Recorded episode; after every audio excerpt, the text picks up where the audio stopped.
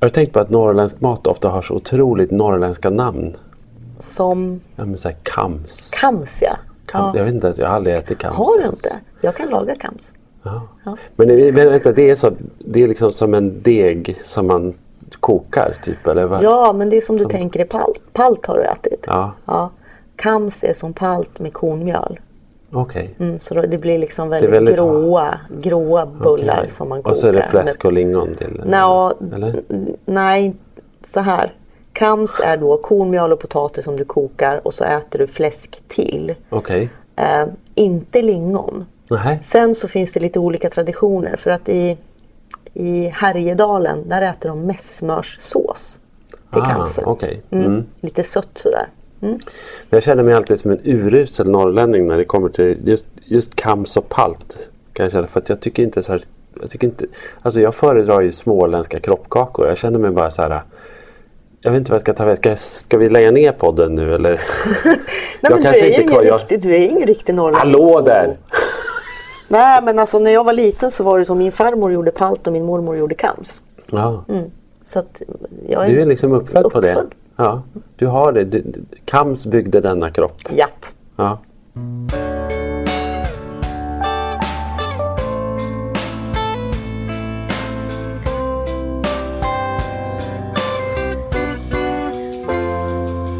Den här podcasten presenteras av Norrlandsfonden. Det här är Norrlandspodden. Jag heter Sofia Mirjamsdotter och vid min sida har jag Po Tidholm. Eh, och idag så tänkte vi att vi skulle prata lite grann om eh, norrländsk kultur och kulturyttringar och Norrlandsskildringar. Eh, po, kan du berätta vad vi gjorde igår? Jag vet inte om jag vågar. jo, nej men vi var på teater. Vi var på teater i en idrottshall. Och det här är ett sånt där... Det är ett arrangemang som tror jag har kommit till och finansierats på det här sättet för att det är kulturhuvudstadsår i Umeå i år. Och därför så har man kunnat spänna bågen lite extra. Och det är alltså en, en teaterpjäs eh, som är skapad av de fyra nordliga länsteatrarna i Sverige. Eller hur? Ja, Visst det är Norrbottensteatern, Västerbottensteatern, och så är det Teater Jämtland. Västernorrland. Och så Jämtland. Va? Och sen så är det ytterligare någon Och så är det mindre en samisk teater. Ja, precis. Och, eh, och då har de klippt upp ett antal pjäser. Och så har de korsklippt dem där på något sätt och satt ihop dem till en helkvällsföreställning som är tre timmar inklusive paus. Med lite musik emellan. Ja, och så turnerar de runt. Och den heter Norrländsk passion. Och det känns lite som ett namn som kanske kom till i ett konferensrum innan de ens visste vad, Vad det skulle innehålla. vad det skulle innehålla. För var det särskilt passionerat egentligen? Nej, jag hade nog väntat mig, som de också har annonserat då, att det ska vara väldigt storslaget. Mm. Och jag tänker med storslaget norrländsk passion. Mm.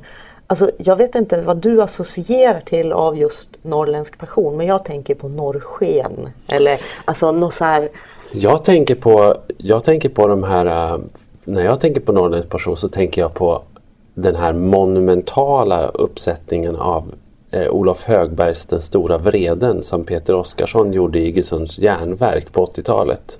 Som verkligen var liksom sådär en, en milstolpe i svensk teaterhistoria med Rolf Lassgård i huvudrollen som den grå jägaren som, som liksom anförde hela det norrländska folket i kampen mot överheten. Och det var folkmusik och det var statister och det var ett stort järnbruk och en jättes och det var sten och det var ekon och det var Det här och det var ju- liksom det var det som var lite märkligt med det här. Att, att det är väldigt många inblandade och som du säger, de har spänt bågen. Det är kulturhuvudstadsåret. Och så kändes det ändå på något märkligt sätt som en lågbudgetproduktion. Jo, för det som de har utgått ifrån är ju också vad var det, tre Tre pjäser. Tre pjäser som, de, som har spelats. Och, och, och här, måste, här måste man då förklara vad som har hänt egentligen i, i, på svenska länsteatrar de senaste åren. Man har gått ifrån att sitta på sina institutioner och klaga över att det kommer lite publik när man spelar Tjechov till att börja specialskriva pjäser om älgjakt och ungkarlar och åka ut och spela med bygdegårdarna för att få mera publik. Och det är faktiskt den typen av pjäser som man nu har klippt upp och satt ihop till en. Så att det är ju ganska, alltså förutom en så är det ju väldigt lättviktigt material. Alltså två av dem var ju faktiskt ren buskis. Ja, man kan ju säga att vi kan, vi kan ju berätta här då för lyssnarna att den, det var alltså tre pjäser. Eh, en av dem handlade om ett telemarketingföretag. Ett callcenter alltså, ja, i ett callcenter i Bastuträsk. Mm. Där vi fick då följa tre, fyra personer som, som jobbar på det här callcentret. Och eh, det är väldigt sorgligt men jag, det jag tänkte det var ändå att är det det här som kommer att vara den norrländska berättelsen i framtiden? Ja. Att alla jobbar på callcenter, att det är liksom så här tragiskt. Det tänkte jag men det var ju inte, det kändes ju inte passionerat. Det var en jättekonstig Nej. pjäs. Och så nästa pjäs som var med som handlar om en norrländsk ungkarl som, som kommer hem från Thailand. Och det är en ensamstående granne med, med peltorlurarna på huvudet hela tiden. Och, och, och sen och så Ja, och hans sen, systerdotter ja. som kommer dit och städar och, för att hon vill ha hans hus. Ja, och sen så tredje pjäsen som ju faktiskt som jag tycker faktiskt ja. var bra och som, som, eh, som handlade om eh, den här otroligt märkliga historien när, när det blev mörkt i Överkalix i, i över två år därför att de, kommunen hamnade i strid med en ja, galning får man väl nästan säga utan att ja. bli stämd som, som eh, hade som, hade som av olika dunkla orsaker hade monopol på, på eh, gatubelysningen i Överkalix kommun. Eh, så, men den, så, så, den tycker jag var bra. Det kändes som att Norrbottensteatern hade liksom jobbat sig förbi schablonerna. Men jag håller, jag håller med dig. Så här, är det här... Alltså, jag måste bara säga så jag var, jag var, på, jag var uppe i, i Västerbotten för, för, för någon vecka sedan och var med i, i en debatt och som handlade om mediebilden i norr. För det är ju så här att Alltså vi har ju vi har ett problem här i Norrland och det är att, att alla stora redaktioner har stuckit härifrån. TT finns inte längre, TV4 lägger ner. Eh, DN, Expressen, Aftonbladet eh, och, och, Svenska Dagbladet har lämnat för länge sedan. Och vi lever lite grann i medieskugga och det där lider många regioner av och kommunerna. Och, Företagen lider av det också, att det är så svårt att få ut bilden av sig själv. Så det här var ett seminarium som skulle diskutera det. Men man skulle också diskutera hur ser den här bilden ut i den mån den existerar. Och då var det liksom så här, det var ett jäkla gnäll helt enkelt på hur Norrlandsbilden ser ut. Och det, det, kan man, det kan man diskutera. Jag vill ändå försvara de här mörka bilderna. Därför att jag är så pass insatt i statistik och, och i liksom siffror. Så att jag vill ju ändå säga i sådana sammanhang att ja men det är ju precis så här mörkt. Men när jag satt och såg den här pjäsen igår då kände jag mig som de här då kände jag mig som de här liksom, nyliberalt anstruckna liksom, floskelmaskinerna på, på regionförbunden. Mm. De här som liksom, så här, ska lyfta företagsklimatet via affirmation. Mm. Därför att jag kände så här, ju, nej är det så här? Det var en liksom? fruktansvärt liksom? dålig reklam för Norrland. Ja, om man säger hela den här föreställningen. Och ett extremt missvisande namn eftersom det var ju ingenstans passionerat. Det var, det var mörker. Det var norrländskt mörker. Ja. Inte bara i den här pjäsen om de släckta gatlyktorna. Då. Sen i och för sig så fanns det ju ett par inslag som, som ändå var väldigt begåvade och, mm. och väldigt, väldigt bra. Som hon Merrak, mm. eh, Poetry Slam som körde ja. två stycken. Jätte, jättebra, eh, verkligen. Fantastiskt. Men, men där det togs udden av det här fantastiska som ändå lämnade någon känsla kvar hos en. Genom att direkt när hon gick av scenen så kom de här telemarketingmänniskorna ja. in, in och, och sjöng konstiga slagers om ja. telemarketing. Sälj, sälj, sälj. Ja, jag vet inte vad det var. Men alltså. Jag kan. Jag tycker att det här, jag tycker att det här är svårt. Jag tycker verkligen att det här är svårt därför att vad, Vems blick? Vems blick var det? Alltså så här, de som hade satt ihop det här programmet, eller den här, mm. den här pjäsen. Vems, med vems blick gjorde de det? Var det norrlänningens egen blick? Var det den utomståendes blick? Var det kanske liksom den utomståendes förväntningar på norrlänningen att leva upp till? Så, så här, och det där tycker jag är viktigt och det där tycker jag kanske... Alltså de hade inte reflekterat över det tror jag. Va, va, så, här, för, av vilka och för vem? Därför att det kändes lite som det kändes lite som att det här var till kanske för, för sörlänningen. Men det här är ju, det här, fast, fast det här är en föreställning som turnerar runt nu. Den turnerar i Norrland bara? Ja, bara i Norrland. Mm. Det är, från väst, det är från Västernorrland och uppåt. Det är massa stora spelplatser. Och det är en unik produktion för det är liksom 50 pers på scen. Jättestor produktionsapparat. Det är så stor produktionsapparat faktiskt att de spelar den bara i sporthallar. Så, att, så att jag menar, och då, det är ju verkligen synd på rara ärtor i det avseendet.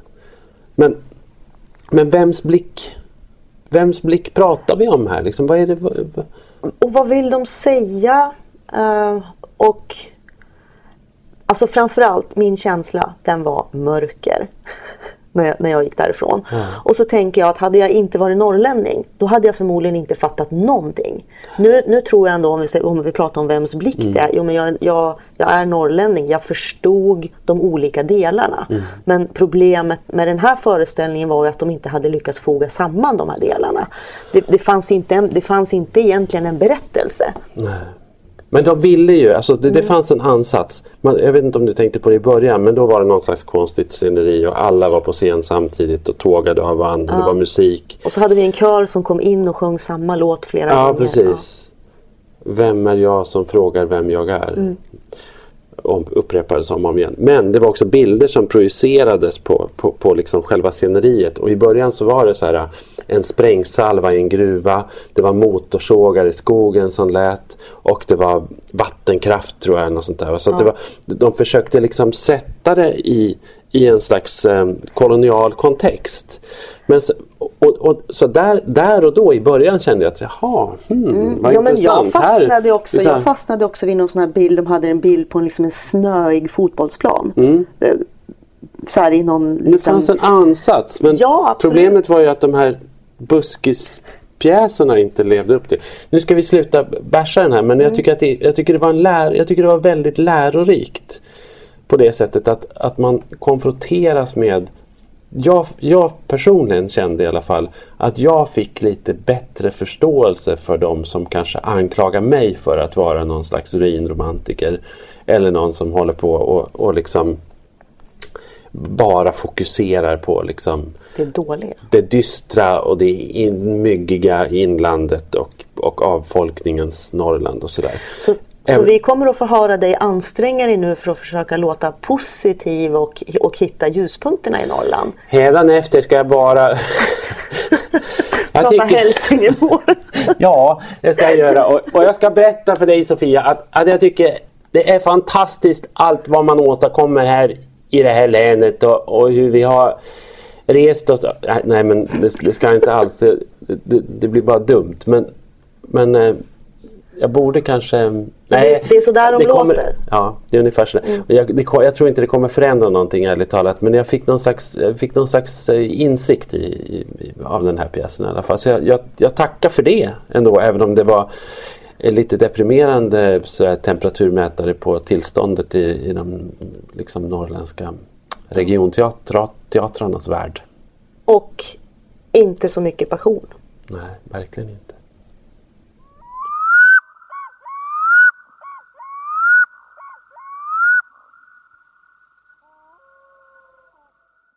Det är dags att göra en lista. Mm. Uh, och uh, jag tänkte eftersom vi är inne på kultur då att vi skulle lista uh, norrländska filmer. Filmer ja, som utspelar sig i Norrland. Mm. Mm. kommer du på några ens? Ja, men det gör jag ju. Man kommer på de här självklara först. Liksom. Mm. Jag, kom, jag kommer ihåg min, mitt första biobesök någonsin i mitt liv. Ja. Så såg jag Barnen från Frostmofjället. Oj. Mm. Vet du vilket år den gjordes? Det är väldigt länge sedan. 1945 mm, tror jag. Mm, mm. Så att det, var ju, det var, men du, du, var inte du, du var inte född? Nej, nej. nej jag var inte född. jag var, po. Det är klart jag inte var född. Ja. Min, inte ens min pappa var född 1945. Nej. Oj. Mm. Eh, ja, nej, ja, jag har sett den, jag har sett den sådär eh, på, på TV någon eftermiddag när jag var sjuk. Den är ju väldigt, bara misär och misär och misär. Och det, ja. och det är sådana här någon står och, och gör fejkade vindljud. Men det blåser väldigt mycket. Ja, det blåser otroligt mycket i den där filmen. Och den är, väl, eh, den är väl verkligen en representant för en gammal Norrlandsschablon. Alltså den här fatt, fattigdomen och armodet. Och, eh, så att, ja. En av mina favoriter är Troells eh, Här är ditt liv. Filmatiseringen av... av eh, Jag har inte sett den. nej. Du har inte sett den? Nej. Den är väldigt, väldigt långsam. Den är Ja. oerhört långsam som Troells filmer är. Men den, den är väldigt fin. Ja, ja den, är jätte, den är jättefin. Men sen så kommer man ju framförallt att tänka på Jägarna. Och, Ja. ja, Ja, vi har ju varit inne på den förut men den, den har ju på senare år fått symbolisera Norrland i Ja. fi- filmvärlden och kulturvärlden generellt. Är, är det en bra film tycker du? Ja, det är väl en ganska lyckad action, actionfilm egentligen. Sådär. Jägarna 2? Nej, den var inte fullt lika lyckad. Alltså, han kan ju göra filmer, det måste man ju säga. Liksom. Men, men det är ju inte... Alltså, ja, han är bruksregissör, Sundvall. Liksom. Han, kan, han, han, han får ihop det. Det är inga, det är inga långa döda sträckor. Det är, det är liksom, det, det, han klappar aldrig igenom. Men, men eh, jag ty- tycker det känns som att han är lite aningslös liksom, i, i, sin, i sitt hanterande av, av liksom, de här Norrlands schablonerna. Jag tycker att det är svårt. Jag har faktiskt kom, jag kom på nu en, en sån här favorit, en sån här gammal svartvit film. Eh, som handlar om mitt Hälsingland då, som heter Driver dagg faller regn. Åh, Och som är en sån här äh, bitterljuv kärlekshistoria med bonddottern och, äh, och drängen. Och, och, äh, det är lite, och, och, även, du, Men, men är inte de här, alltså när du pratar om de här, det här karga och det här fattiga och det här. Är, Mm. det, är det egentligen särskilt norrländskt? Om vi tittar på, på äldre filmer eller, eller filmer som ska utspela sig förr i tiden. Men man kan kolla på Raskens, man kan kolla på Jo, Utvandrarna. absolut. Det är slitigt, det är tungt, alla är Ja. fattiga. Alltså jag kan ju känna det här solda- Raskens framförallt, Ja. som ju inte alls är Norrland utan Småland. Mm. Eh, skulle ju lika gärna kunna vara i Norrland. Ja, och, och det är liksom den tiden Sverige, hela Sverige var så på den Det tiden. känns ju som att SF gjorde två typer av filmer egentligen. Och det ena var ju sån här liksom stata-miljö eller fattigstuga på fjället. Eller å andra sidan så här farser i, i Östermalmsmiljö med, med liksom så här gre- grevar och baroner i salonger som, som drack punch och snubblade. Liksom. Men det var ju väldigt lite däremellan ända tills, ja, tills Bergman kom egentligen då, liksom, och började dissekera medelklassen. Men, men sådana filmer har ju aldrig gjorts i Norrland kan man ju Nej. konstatera. Alltså, när autörfilmen tog över och när man började ändå liksom sådär titta på människans psyke och man började liksom så här, den, den typen av filmer har ju, har ju aldrig har man ju aldrig ägnat sig åt i Norrland. Utan alltså, ska filmer göras i Norrland så ska de ju handla om en norrländsk problematik. Och var väldigt stereotypa. Ja, och det, är det, som, det gäller ju för nästan all representation av Norrland. Alltså att Norrland får aldrig vara Norrland får aldrig vara vanlig. Inte i media, inte i litteratur, inte i konst, inte i film, inte i någon konstart så får Norrland någonsin representera normalitet. Utan Norrland får alltid representera det exotiska Norrland. För att om man vill, om man vill skildra normalitet i litteratur eller i film då förlägger man det ju givetvis någon annanstans. I Bromma eller i Göteborg eller i På något normalt ställe. Ja, eller i Växjö eller så. Men man skulle ju aldrig få för sig att göra en film om en helt vanlig familj som, bor, som bor i Sundsvall eller i Gällivare. Man skulle faktiskt inte det. Och inte skriva en bok om det heller Nej, men det, här, det, här med, det här med jägarna, jag, eller och alla andra filmer det, som, som handlar om Norrland. Jag kom på en annan, så, här, så som i himmelen. Det är Ja. också en, det är också, den, den, den, har ju, den kanske snart kommer att hamna i samma liga som jägarna när det gäller den här Norrlandsbilden som alla eh, om alla ska ha en gemensam Norrlandsreferens så kan det vara någon av de filmerna. Alltså jag tycker att den, jag, jag, har ju, Mm. jag har ju skrivit om den också. Jag tycker att det, det är en av de absolut eh, jag, sk- jag, jag kan dra mig så långt faktiskt som att jag, jag tycker att den, den filmen är fascistoid. Hur då? Den, familjen, den, den, den filmen eh, presenterar en, en fascistisk bild av människor tycker jag. Med, med övermänniskor och undermänniskor och där det primitiva på något sätt är, är, det, det primitiva oförstörda är fint och ställs mot, mot liksom den farliga självmedvetna intellektualismen. Alltså det, jag, jag, ty, jag tycker den är vämjelig och jag, jag glömmer aldrig första gången jag såg den. Eh, och jag var i Umeå på jobb. Och filmen hade gått i några månader. Det var liksom så här, alla pratade om den här filmen. Så, Åh, har du Ja. sett den där? Och den är så fantastisk. Den är fantastisk. Hela Sverige. Det var hysteri. Den Ja, sågs ja. över en miljon människor eller mer. Den hade gått i flera månader när jag gick och såg den en, en vinterkväll i Umeå. Och jag var liksom ändå inte beredd på intensiteten i den. Därför att det man inte... Den, den, den överrumplas man av i den, där, i den där filmen. Det måste man ju ge Kai Pollak. Att han, att han ändå får ur väldigt mycket ur skådisarna och ur, ur bilderna och ur berättandet. Att den, den är otroligt manipulativ och intensiv. Och jag gick ut från bion i Umeå, klockan var väl så halv tolv. Och jag gick ner till älven och bokstavligen ställde mig och skrek. Du var- Faktiskt. ja, För ja. att jag var så upprörd över den där filmen. Och först förstod jag inte vad det var och sen så började jag liksom undersöka där och, och jag åkte till, till filmbolaget också och fick sitta i ett visningsrum en hel dag och spola filmen fram och tillbaka och titta på scenerna och läsa manus och, och sådär. Så jag gav mig verkligen in i den där filmen. Och ju mer jag gjorde det desto, desto värre blev det på något sätt. Och sen så skrev jag om den i, i DN en essä och fick rekord. Det här var på den tiden när man inte liksom fick mejl. Det fanns, det fanns inga sociala medier. Men jag fick, och du, du vet hur mycket det är. Jag fick alltså 300 handskrivna brev. Med frimärke. Ja, och liksom, Men vad vad vad de som skrev till dig då? alla, skrevs, alla skrev exakt samma sak. Jag såg den här filmen därför att min familj sa till mig, att, eller mina vänner, mina kollegor. Och så gick jag och såg den.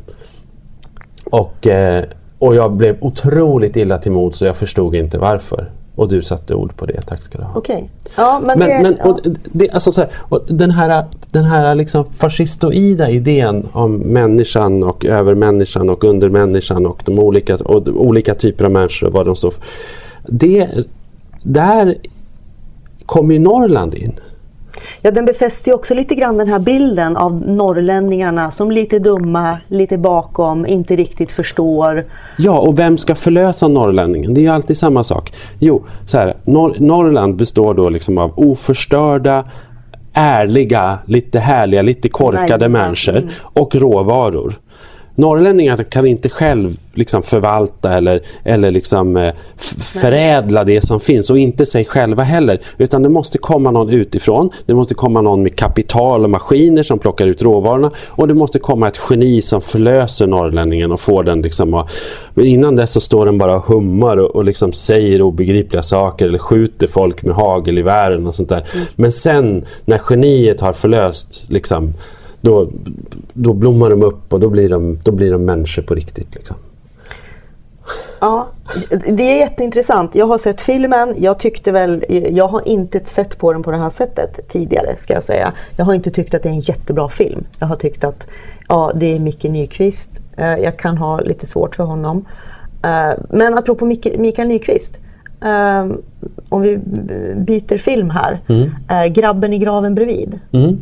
Ja, den är ju gullig. Ja, det är ju en väldigt fin bok. Ja, den baseras på. absolut. Sen tycker jag i och för sig då som, som vanligt att boken var bättre än filmen. Ja, ju. lite grann på grund av att jag vet inte vad det är som gör att jag har så svårt för Mikael Nyqvist och, och när han ska spela norrlänning.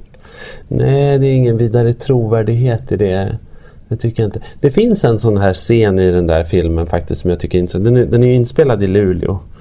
Eh, och jag inbillar mig, jag vet inte om det står utskrivet i boken var den utspelar sig någonstans. Va? Men, Det- men man får en känsla av att det är norröver någonstans. Mm. Ja, hon är ju från Umeå också. Man Ja. sett det som. Ja. Och det finns en scen där den här bibliotekarien har bjudit med sig den här bonden på, en, på ett medelklassfest i någon designvilla i, i Luleå. Ja. Och det sitter, de är jävligt överspända där och den här bonden han är så jävla tappad bakom en vagn och de hånar honom. Sådär. Där måste man säga så att det är en ganska taskig scen på, många sätt men, men där får ju faktiskt där, jag undrar om det kanske inte är den enda gången som det skymtar fram en norrländsk medelklass på film eller tv Ja, någonsin. precis. Att det fanns den typen av medelklassmänniskor i Luleå som Ja. kan håna en bonde på det sättet. Ja. Jag vet De, inte om de det flyttar så Södermalm till Ja, Luleå. jag tror inte det finns i verkligheten faktiskt. I, i, i, I verklighetens Luleå så har jag faktiskt lite, jag har aldrig stött på någon i Luleå som är så aningslös att den hånar en bonde. Nej, och inte som är sådär hipster-snobbiga. Nej.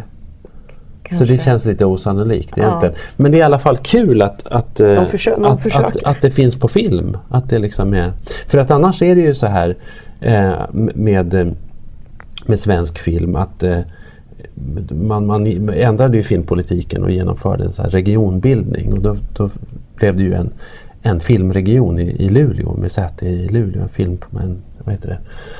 Eh, ja, en, en filmregion i, i norr som finansierar filminspelningar och som, och som också jobbar med att få dit filminspelningar från övriga landet. Men då är faktiskt en förutsättning för att man ska kunna spela in filmen där är ju på något sätt att den utspelar sig där och att den, att den då på något sätt också gestaltar livet där. Och då blir det omedelbart schabloner.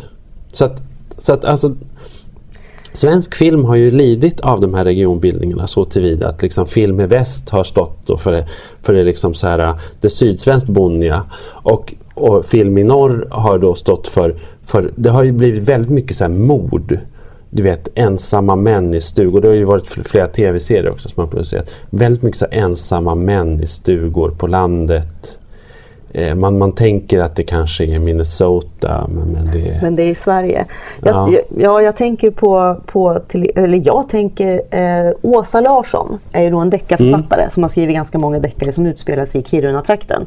Som jag i och för sig, jag, jag är ju inte så, eh, jag är ingen kultursnobb kan jag säga. Jag läser jättemycket deckare och jag tycker att hon, hennes deckare är rätt bra. Men hyfsade Eh, faktiskt. Och, de är, och, de, och de, de är väldigt vä- bra beskrivna det här norrländska med kärlek liksom, och in, Mm. insikt. Så. Eh, men, eh, och så har jag sett åtminstone en film som jag kommer ihåg som har gjorts av en filmatisering. Solstorm, har du sett den? Det- Där Micke Persbrandt, Och Isabella Scorupco va? eh, är hon med i den? Ja, Ja, det- ja. Jag, tror att, jag tror att det är de två. Det var väl...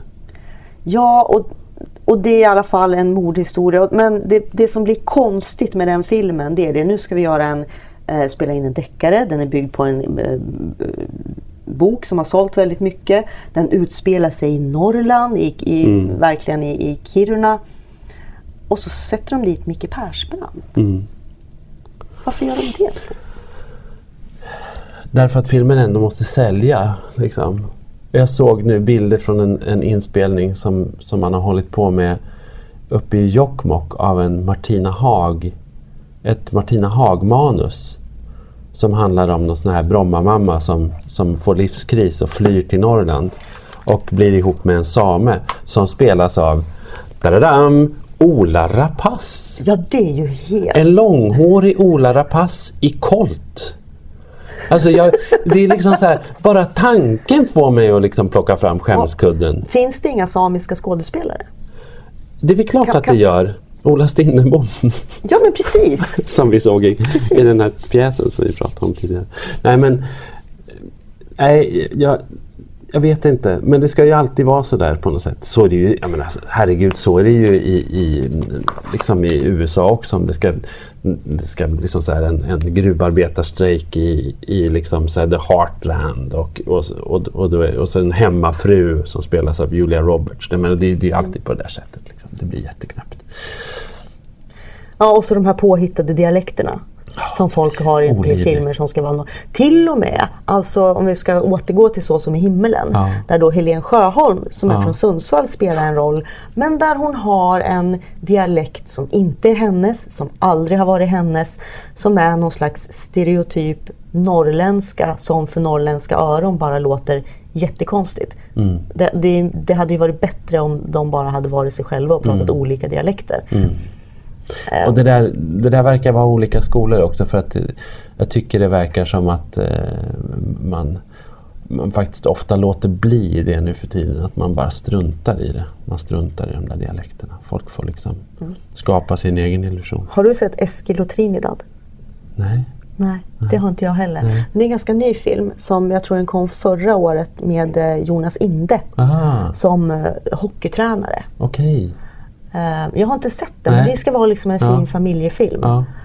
Ehm, som också är då Nor- Ja. Norrland. Ja. Inspelad också tror jag i Jokkmokk delvis. Jag kan ha fel där Mm. men jag har för mig det. Det kom faktiskt en hyfsat eh, fin film nu i vintras också som heter Ömheten som är inspelad i, i Kiruna.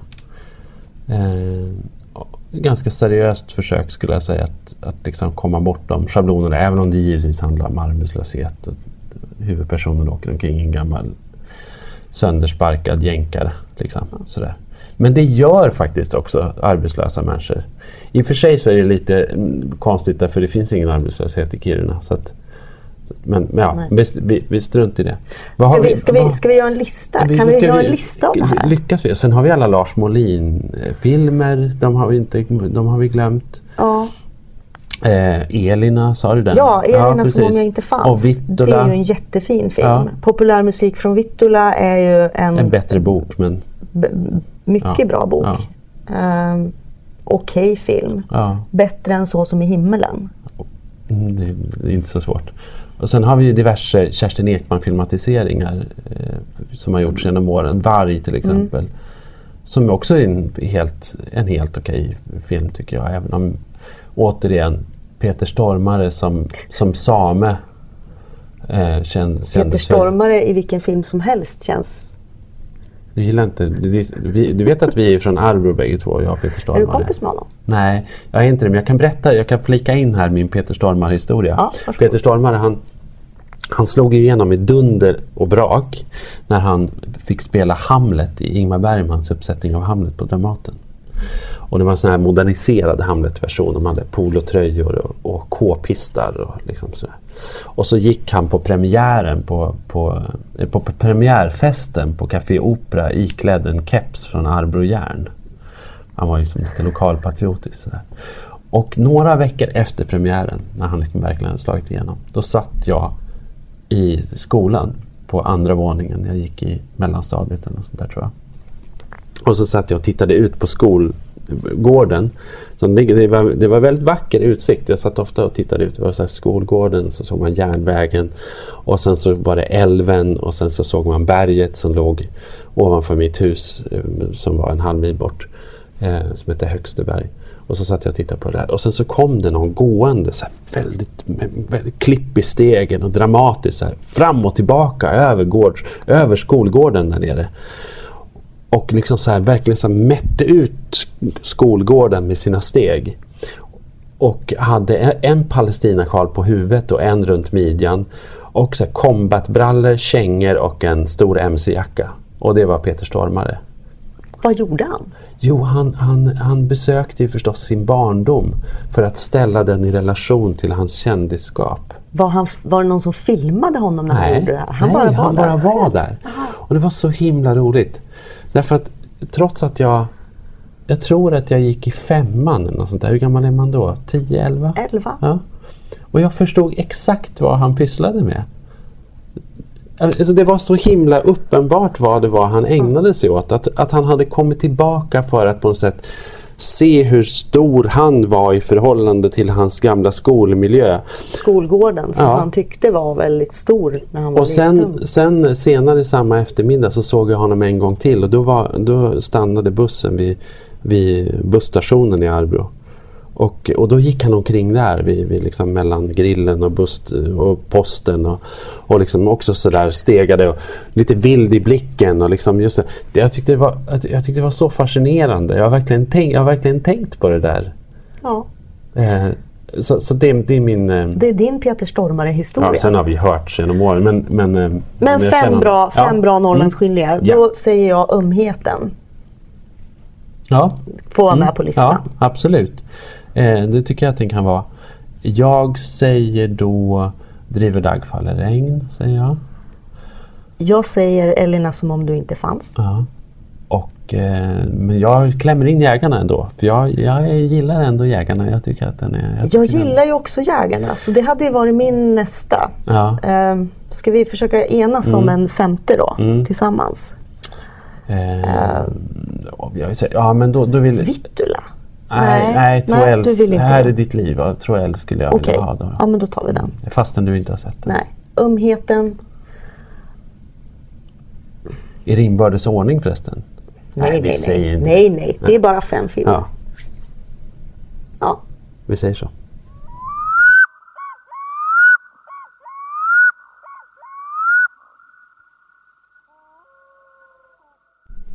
Jag tänkte ha lite högläsning Mm. Ur eh, populärmusik från Vittula av Mikael Niemi. Därför att det här som jag ska läsa nu, det är ett stycke som, som har fastnat.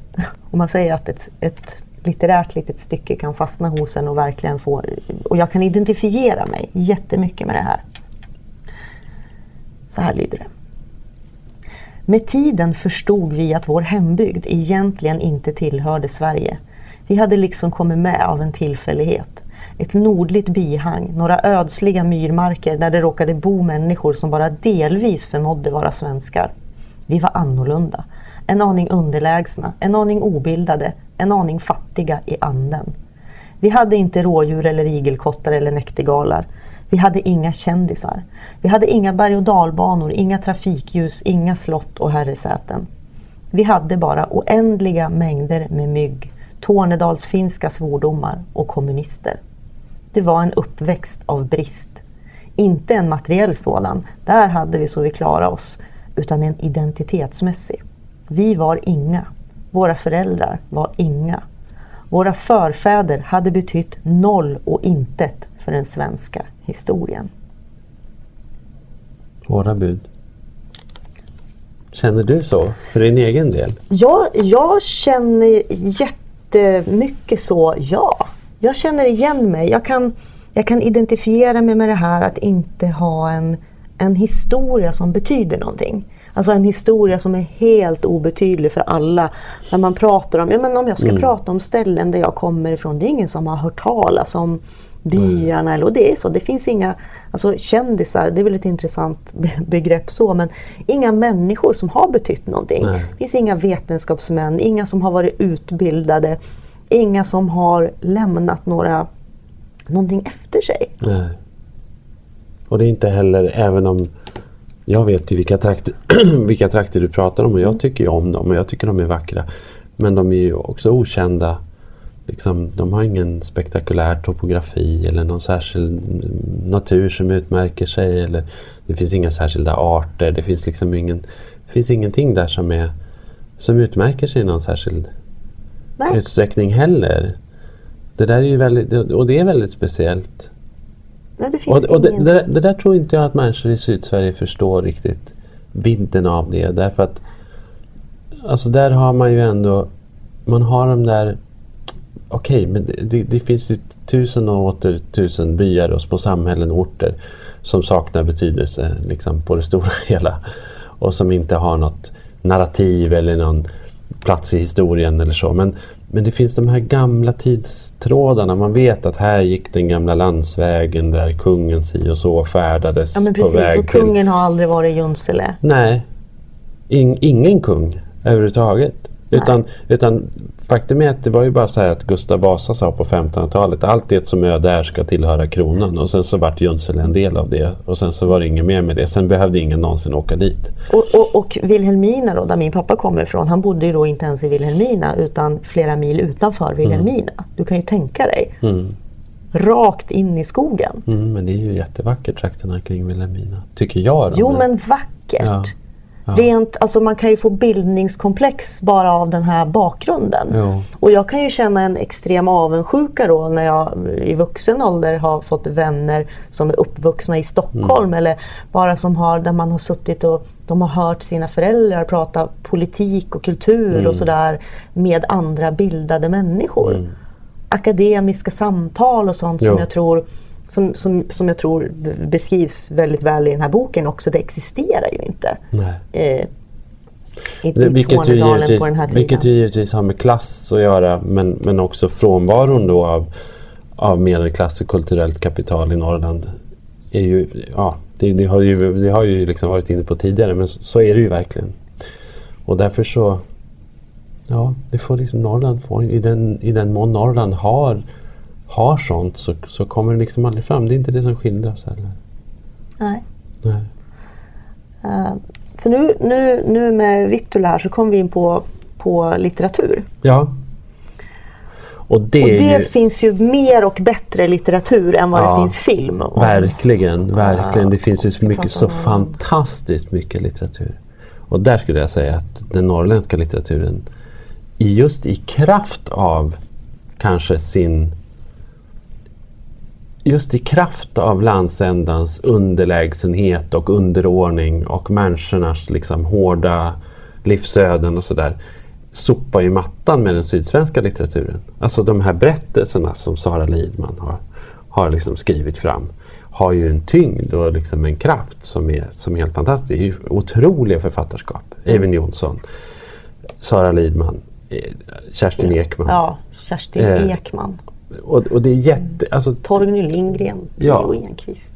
Ja. Så att, alltså där, där är verkligen... Det är ett sånt där område där vi faktiskt inte behöver skämmas för oss. Nej. Vi kan, vi kan skämmas för oss på många andra områden men, men, men inte när det gäller litteraturen. Jag kan ju skämmas för att jag aldrig har läst Lars Alin. Det har inte jag heller. Du har jag, inte nej, det? jag har inte. Därför att han är ju då, eh, alltså, anses ju vara en väldigt stor författare. Mm. Jag tvivlar inte en sekund på det. Och jag minns att när jag var så här tonåring och Mm. skulle försöka vara lite så här quasi-intellektuell så skulle man läsa Lars Alin. Mm. Och jag pallade inte. Jag tyckte att han var för tung och för svår och för jobbig. Mm.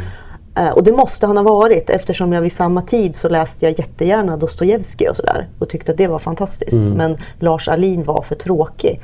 Och tyvärr så satte det väl sådär så att jag, jag har något motstånd. Mm. Men du har inte heller läst Lars Alin? Nej, jag, nej så man kan inte läsa allt. Jag har väl liksom fastnat också för så här, saker man, alltså jag har ju läst, jag tror att jag har läst de stora klassikerna. Liksom de stora norrländska klassikerna.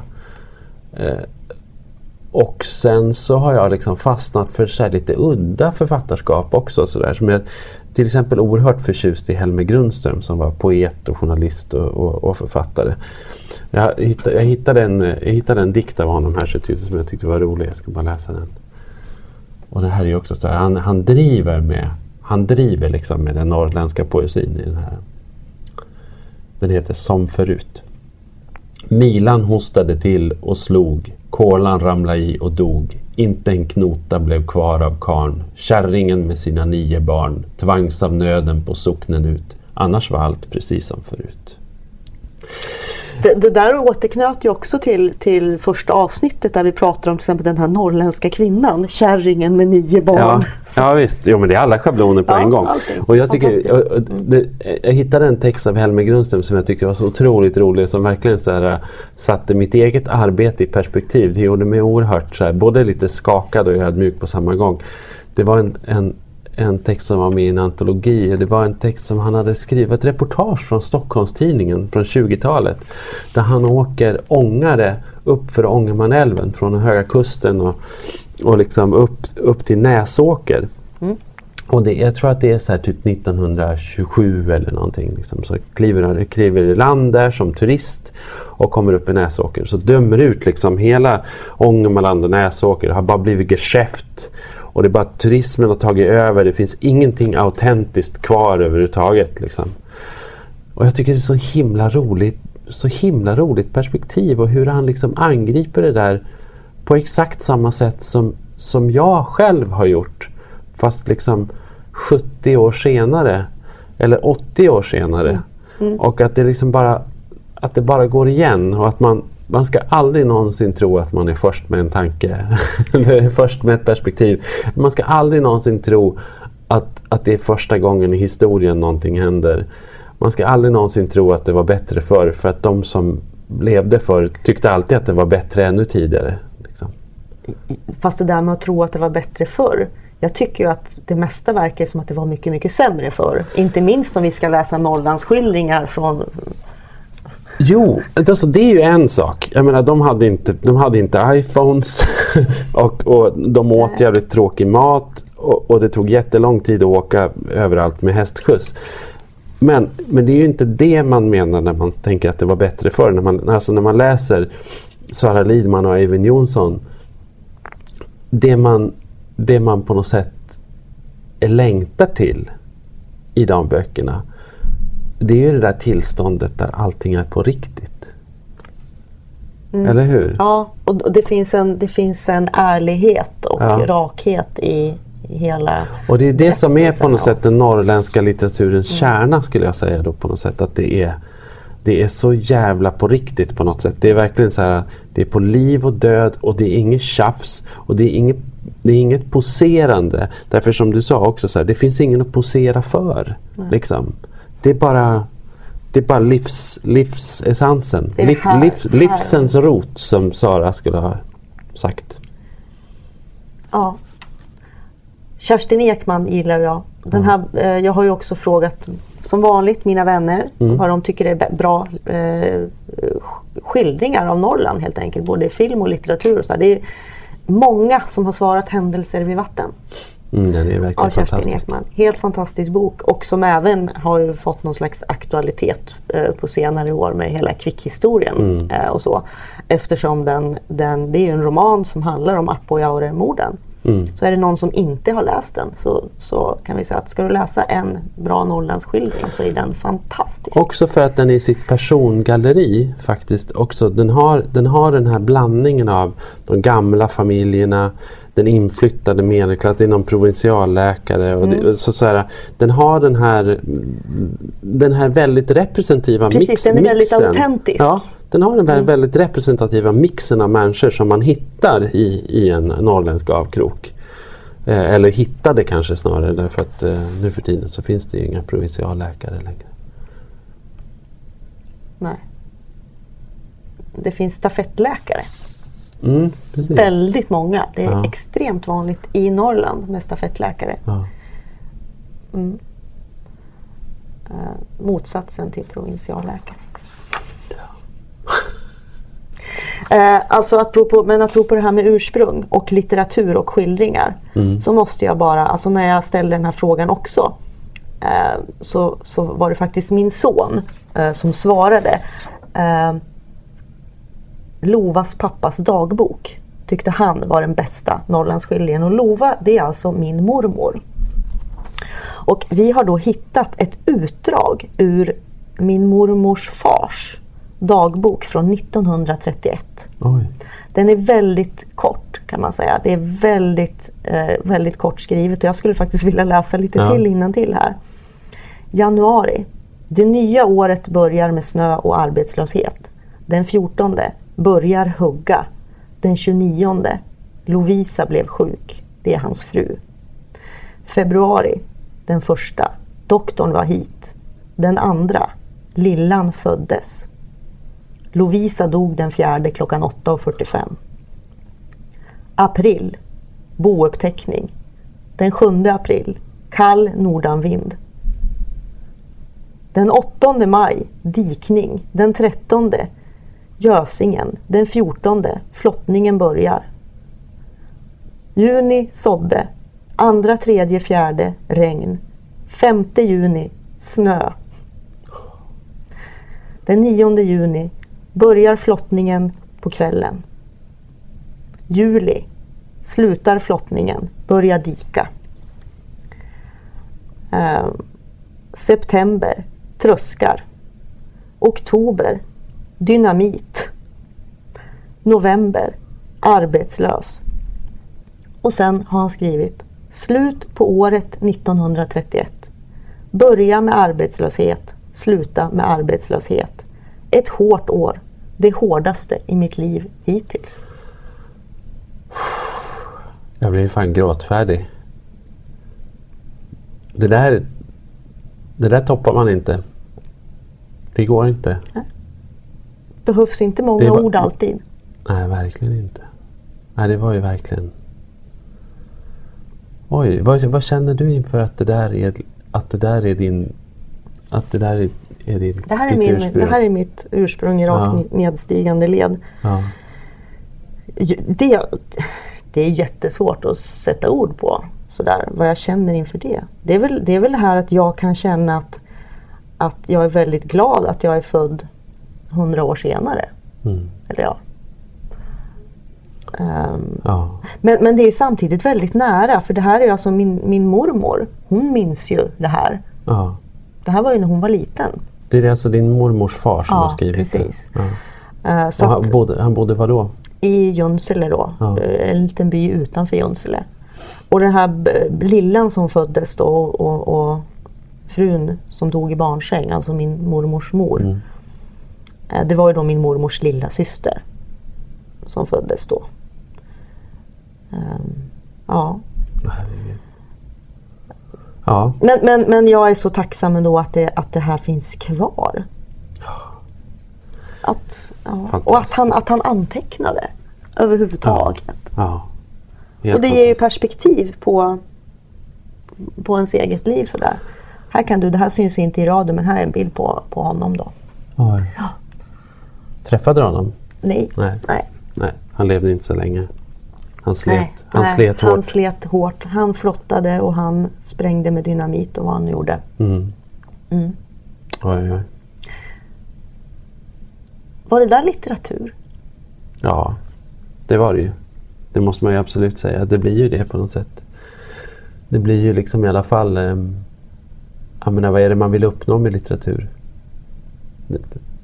Vad det, än, vad det än är som man vill uppnå med litteratur så uppnådde ju det där syftet med råge. Man fick ju verkligen en känsla för någonting. Det fanns ju så otroligt mycket mellan raderna. Jag skulle vilja, innan vi slutar, flytta oss eh, fram i tiden. Mm. Till nutid. Ja. Och till liksom ny spännande norrländsk litteratur. Mm. Och Finns det Ste- sån? Ja, Stefan Spjut. Okej. Du har inte läst honom? Nej, jag har ju inte. Nej. Stefan Spjut har då skrivit en bok som jag tror kom i fjol. Kan ha varit 2012, men jag tror det var 2012 eller 2013. En bok som heter Stallo. Eh, och den utspelar sig då i trakterna, den, det är Lappland, det är Jokkmokk, det är Arvidsjaur eh, och det är som en kriminalhistoria. Och det handlar om, man kan säga att, att grundhistorien är en pojke som har försvunnit i skogen. Och så är det en kvinna som är huvudpersonen som många, många, många år senare ska försöka hitta rätt på den här pojken. Och saken är, det här låter ju jättekonstigt, men den innehåller då alltså jättar och troll och knytt och alla möjliga olika väsen. Sånt gör mig lite skeptisk. Ja, det gör mig också väldigt, väldigt skeptisk. Har du läst Ajvide Lindqvist? Nej, Nej. eller jo, vänta. Ja, det, jo, det har jag. Mm. För, för där kan jag tycka att ja, men där är det ändå så pass litterär höjd så jag kan, jag kan leva med de här vampyrerna och så i hans böcker. Och det här är lite samma sak. Ja. Att det är så välskrivet och det är så han lyckas sätta in de här trollen i en i övrigt så autentisk berättelse. Om livet i Jokkmokk mitt i vintern, om turisterna som kommer dit, om hur kallt det är. ehm, om ja, det vanliga livet. Sen är det också att Matti Alkberg är med i den här boken. Han har, liksom, han har en biroll. Han figurerar Jaha. i den här boken för han är också med och, och jagar de här trollen. Sådär. Otroligt. Det är en ganska tjock bok. Den är väldigt välskriven. Det är en ypperlig skildring av delar av Norrland som kanske inte förekommer så mycket ens i den litteratur som redan finns. den. Ja, Eh, så den, den tycker jag du ska läsa ja, på. tack för tipset. Vad tror du att framtidens Norrlandslitteratur kommer att handla om då? Om callcenters. Du tror det? Om man jobbar på så att. Så, att, så tillvida hade de rätt då i, i, i teaterpjäsen Norrländsk person? Att det, liksom är, det, det är ju ett rätt, det är ju ett korrekt ämne. Det kan man ju säga att det är. Liksom. Fast väldigt ointressant som litteratur. Ja, jag. jo det är, fast ja, men rätt författare kan ju säkert skildra det på ett vettigt sätt också. Men, men callcenters, vad mera? Det var ett skämt Bo. Jaså? Jaha, så jag tog det på blodigt allvar. Jag tänker att det inte var så himla dumt. Nej, alltså det är väl klart att det kan figurera. Nej, ja, vad tänker du? Jag vet inte. Men någon gång måste ju på något sätt Norrland... Norrland kommer att avfolkas. Det kommer inte att komma någon litteratur härifrån. Nej, det är nog, eh, Det är nog ris- det det är nog verkligen sannolika. Mm. risken. Men jag tänker också att någon gång så borde liksom Norrland normaliseras och, och få figurera i, i, liksom, i någon typ av konstnärligt uttryck eller i medierna utan att vara så jäkla norrländskt hela tiden. Men eh, ja, det får vi se när det händer. Jag tror vi sätter punkt där. Vi gör det.